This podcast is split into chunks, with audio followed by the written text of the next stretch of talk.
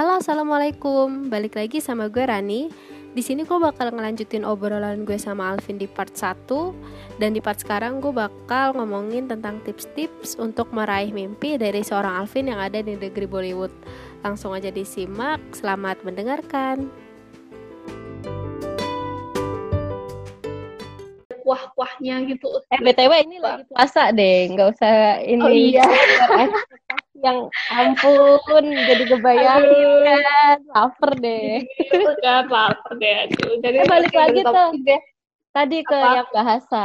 Nah kalau kamu kan udah alhamdulillahnya S satunya udah uh, bahasa Inggris mm -hmm. kalau misalkan emang buat teman-teman nih yang kira-kira mau uh, studi di luar itu tipsnya apa sih biar bahasanya tuh bisa mumpuni buat keluar gitu?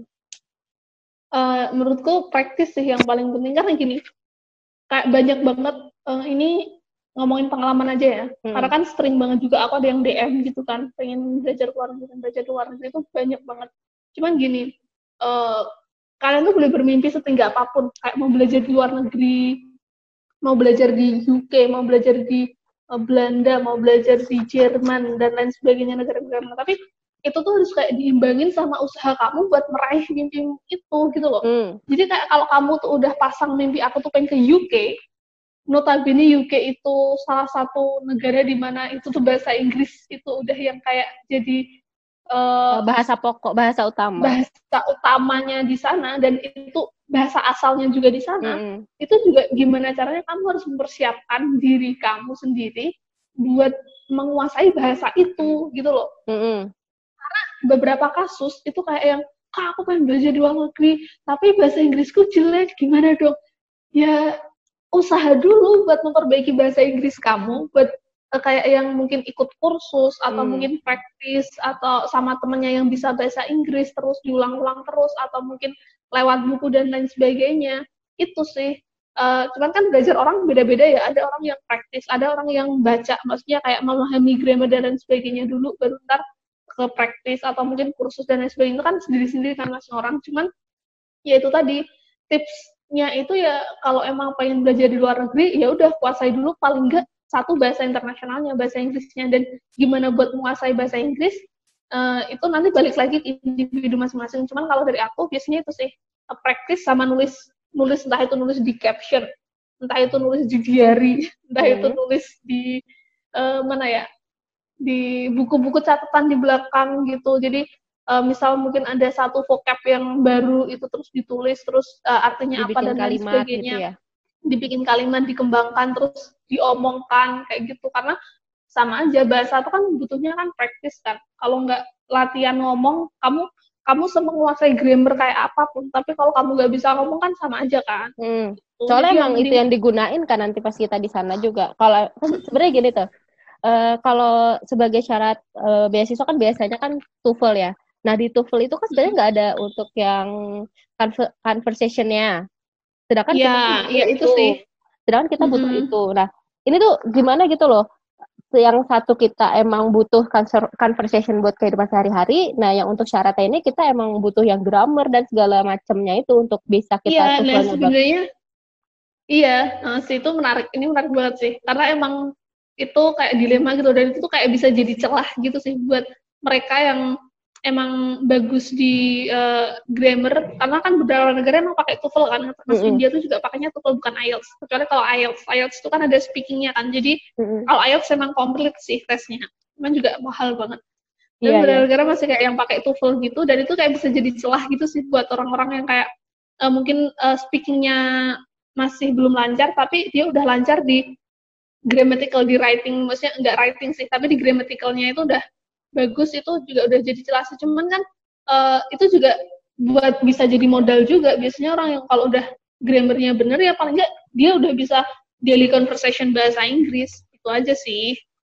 Hmm. cuman ya itu jadi celah gitu sih dan tetap harus diimprove juga Inggris Inggrisnya. Karena kalau nggak diimprove juga di sini mau ngomong apa? Karena apalagi di India kan itu kan kita juga nggak bisa bahasa India dan yeah. nggak wajib bela ada belajar bahasa India juga jadi mau nggak mau ya the only way to communicate tuh ya pakainya bahasa, bahasa Inggris, Inggris. Oh, oke okay.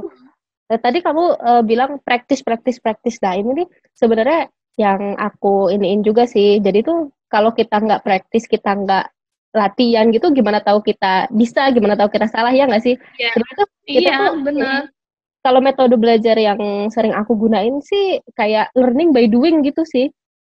Menurutmu hmm, gimana? Ya itu, practice tuh learning by doing bener, bener banget sih. Aku juga setuju hmm. itu karena kalau nggak by doing ya gimana kita bisa improve karena gini karena by doing itu kan kita bisa tahu apalagi uh, partner yang kita ajak buat uh, doing itu tadi itu kayak eh kamu tuh salah harusnya hmm. tuh misalnya aku nih ngomongnya I has gitu kan hmm. eh salah nah, I have enggak yeah. has gitu kan jadi ada itu kan insight kan insight dari uh -uh, orang iya ada feedbacknya juga hmm. dari orang dan itu kan kayak yang oh oke okay, berarti aku salah di sini aku harus koreksi di sini gitu loh ada sesuatu yang uh, ada input yang masuk ke kita buat memperbaiki kita ke depannya lagi gitu itu emang oh, penting beda tip lah.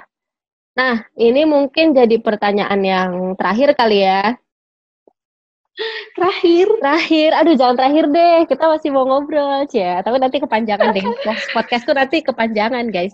Nah. Iya, ntar terus jadi tujuh malam. Iya, nggak kelar kalau ngomong sama dia tuh, serius. Nah, sebenarnya sih, apa, apa. sebagai seorang wanita sendiri, ini tantangan kamu ada di luar negeri dan jauh dari uh, keluarga, jauh dari orang tua itu apa? Tantangan terbesar. Apa ya? Tantangan terbesar jauh dari keluarga. Itu itu sih kayak hmm, gini. Mungkin orang tuh tahunya aku tuh ekstrovert kali ya. Orang-orang yang udah kenal aku tahunya aku ekstrovert yeah, karena yeah. emang ya kamu yang, yang emang suka ngomong, ngomong suka gini, gini. Uh, hmm, tapi hasilnya tuh enggak loh.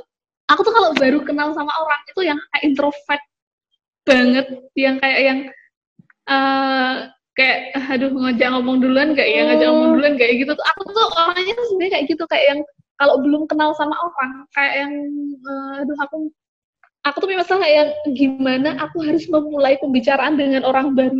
Itu aslinya tuh aku banget sih yang mungkin ini orang nggak tahu dan kamu juga nggak tahu kali ya. Karena kayak Enggak. kita tuh sekalinya ketemu udah akrab gitu aja kan.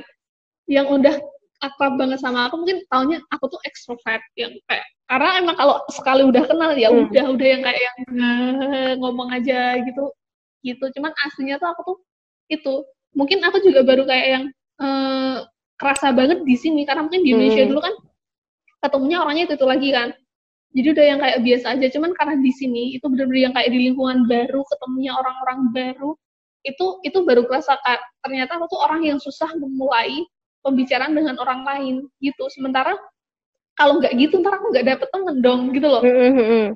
jadi mau nggak mau gimana? harus gitu ya udah gitu kan iya. kamu minoritas di sana gitu kan jadi emang uh, mau, uh, kita uh. harus memulai jadi itu sebenarnya apa ya aku yeah. juga sempat rasain sih juga walaupun aku uh, ngerantau nggak jauh kan dari Jakarta salah tiga jam uh. sebenarnya uh, itu tuh juga emang tantangan orang ngerantau sih kebanyakan kayak gitu jadi kita tuh yeah. ngerasa diri kita minoritas jadi nggak boleh yang minder nggak boleh gimana. Emang kita tuh harus show show up diri kita gitu loh. Jadi nggak yang iya. jangan mau ditegur duluan sedangkan itu kampung orang woi gitu ya. Uh, iya bener. Itu bener banget sih. Itu kamu juga pasti ngerasain kan karena kamu juga uh, ngerantau. Itu uh, yang pertama sih kayak yang mungkin bisa aku dibilang adaptasi gimana ya, kan? mulai. Uh -uh. cuman tapi emang itu sih ternyata aku menemukan satu fakta bahwa aku tuh orang yang susah memulai pembicaraan dengan orang lain. baru Membuka ketemu, ya. pembicaraan ya? dengan orang baru itu susah banget. Jadi kadang kalau ada acara rame gitu, aku tuh mending nyari satu tempat di mana yang nanti gak bakalan ada orang yang nyapa aku gitu. ya ampun, segitunya. Karena aku males banget. Iya, karena aku tuh yang kayak males banget gitu. Ya Allah, apa itu? kayak yang yang males banget. Terus pokoknya kalau udah ambil makanan udah nyari tempat di pojok di mana aku bisa menikmati makanan ini gitu yang kadang kayak aduh udah males banget ya pokoknya. Eh suka balik ke makanan lagi dong dia guys. Bener-bener ya nih orang ya maksudnya kan biasanya kan emang gitu kan dia kan hmm. makan gitu terus nah di waktu itu kan mereka bisa ngomong-ngomong gitu kan aku nyari tempat di mana aku bisa menikmati makanan itu tanpa dihidup sama orang dan tanpa aku harus kayak yang basa-basi gitu loh hmm. hey halo apa kabar gitu yang enggak yang aku enggak harus kayak gitu karena kayak yang males banget itu itu yang pertama sih dan uh, tantangan yang kedua itu kalau lagi di sini lagi susah lagi sedih itu kayak yang jadi inget nggak bisa ngomong sama orang rumah karena takut orang rumah khawatir gitu kayak yang jadi uh, kadang kan ada di mas di ada masa di mana kayak kita tuh di sini tuh yang aduh ini kok susah banget sih gitu loh kayak mm-hmm. aduh ini aku bisa nggak ya aduh ini gimana sih aku Jadi harus gimana lagi nggak mau bikin orang rumah kepikiran gitu ya uh-uh. dan nggak hmm. tahu mau cerita sama siapa kadang kayak yang aduh mau cerita sama temen tapi juga apalagi beda jam kan hmm. dan maksudnya aku tuh di masa-masa kayak gitu biasanya udah yang jam malam-malam gitu kalau di Indonesia aku udah dini hari dan gak mungkin ganggu siapa pun kadang tuh kayak yang aduh ini harus gimana oh jadi emang gitu. ada jadi, saatnya overthinking ke diri sendiri tuh emang malam sih seringannya nggak iya makanya itu dan nah. itu kan lu udah gak bisa ngomongin siapa-siapa lagi kan orang teman udah tidur temen udah tidur ya kali mau gangguin orang tidur dan lain sebagainya kan juga gak mungkin kan. hmm. kan itu sering banget kejadian sih awal-awal gitu yang aduh. Awal-awal tuh masih masih nangis gitu tau gak sih? Kangen rumah sampai nangis gitu di oh, malam-malam. gila aduh. Jadi bisa Sampai bisa sekarang, dibilang lebih ke overthinking yang nggak bisa diluapin ke siapa-siapa ya tuh mm, hmm. gitu gitu. Terus apa lagi ada lagi nggak apa lagi ya? Hmm, apa lagi sih kira-kira? Kayaknya untuk seorang Alvin udah deh segitu aja deh tantangannya. Dia bahagia banget deh kayaknya guys di sana kalau kita aku lihat. harus, eh bahagia itu harus itu tuh kunci oh. untuk menikmati apa pun yang ada di hadapan kita. Bahagia dan bersyukur. Oh gitu. betul, betul sekali. Itu jadi sekarang tuh gini, yakin itu itu ini beneran deh. Uh, karena emang overthinking tuh akan sering banget kan. Karena aku orangnya tuh kadang yang kayak satu sisi kadang tuh detail banget mikirnya mm -hmm. nanti ini aku ke depannya kayak gimana apalagi sekarang kondisi pandemi kayak gini ntar gimana ya kalau pulang bisa nggak ya dapat kerjaan ya kalau nggak dapat kerja kayak gimana ya nanti itu loh kayak gitu tuh pikiran yeah, yeah. itu ada gitu loh ngalir gitu terus cuman uh, yang bisa dilakukan karena kayak di sini tuh juga sendiri itu kayak yang memotivasi diri sendiri aja bahwa oke okay, ya udahlah positive thinking aja yang pertama. Jalanin dulu. Yang kedua uh, uh, yang kedua dibikin bahagia aja. Dan yang ketiga yang paling penting itu tuh disyukuri tau enggak terus hmm. harus yang kayak kamu tuh udah sampai sini tuh kamu harusnya udah bersyukur. Banyak banget orang di luar sana tuh yang pengen kayak kamu gitu loh. Kita tuh kadang harus posisinya di mana uh, apa yang kita dapat sekarang itu yang harus kita syukuri. Karena banyak orang di sana yang pengen juga ada di posisi kita gitu loh. Karena hmm. kita nggak bakalan tahu uh, kita ngelihat diri kita aduh kamu apaan sih gitu kan tapi hmm. kita nggak pernah tahu bahwa ternyata di luar sana orang-orang tuh yang kayak aduh aku pengen deh kayak dia kayak gitu paham nggak maksudku ya paham paham paham jadi yeah. uh, iya. harus ngelihat ke bawah aja gitu ya tuh masih banyak yang pengen hidup kayak gue yeah. nih gitu uh -uh. Iya, jadi hmm. melihat ke bawah bukan bukan dalam artian kemudian meremehkan yang ya, enggak, enggak, enggak, tapi itu biar bersyukur yang, aja. Uh, pengingat aja buat bersyukur bahwa hmm. banyak banget orang-orang yang masih kurang beruntung di luar sana dan kamu udah dapet uh, beasiswa buat sekolah di sini, udah yang hidup dihidupin sama apalagi pemerintah. sama pemerintah negara oh, lain. Pemerintah negara lain, ya ampun. Halo pemerintah Indonesia, kapan nih ada beasiswa? Banyak sih ya ya udahlah, eh, banyak banyak kok dari pemerintah Indonesia ini kebetulan aja dari pemerintah India.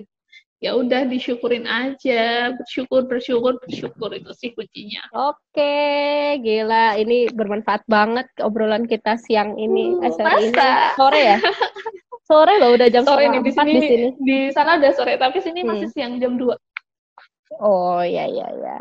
Oke, baik, makasih banyak ya Tante.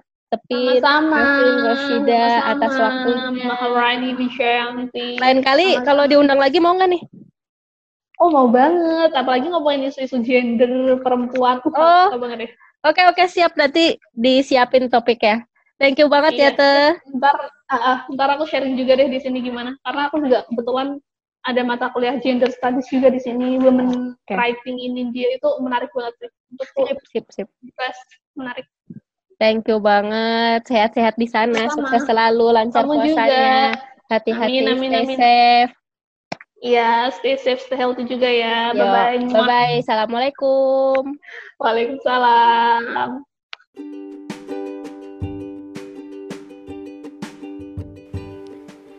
Oke, gue rasa segitu aja bisa gue sampein sama Alvin. Cukup panjang ya episode kali ini ada dua part. Nah, di sini gue menarik kesimpulan bahwa pada umumnya semua orang itu memiliki mimpi yang tinggi. Namun sebagai seorang wanita tidak menutup kemungkinan untuk meraih mimpinya tersebut walaupun harus jauh dari keluarga bahkan ada di negeri orang.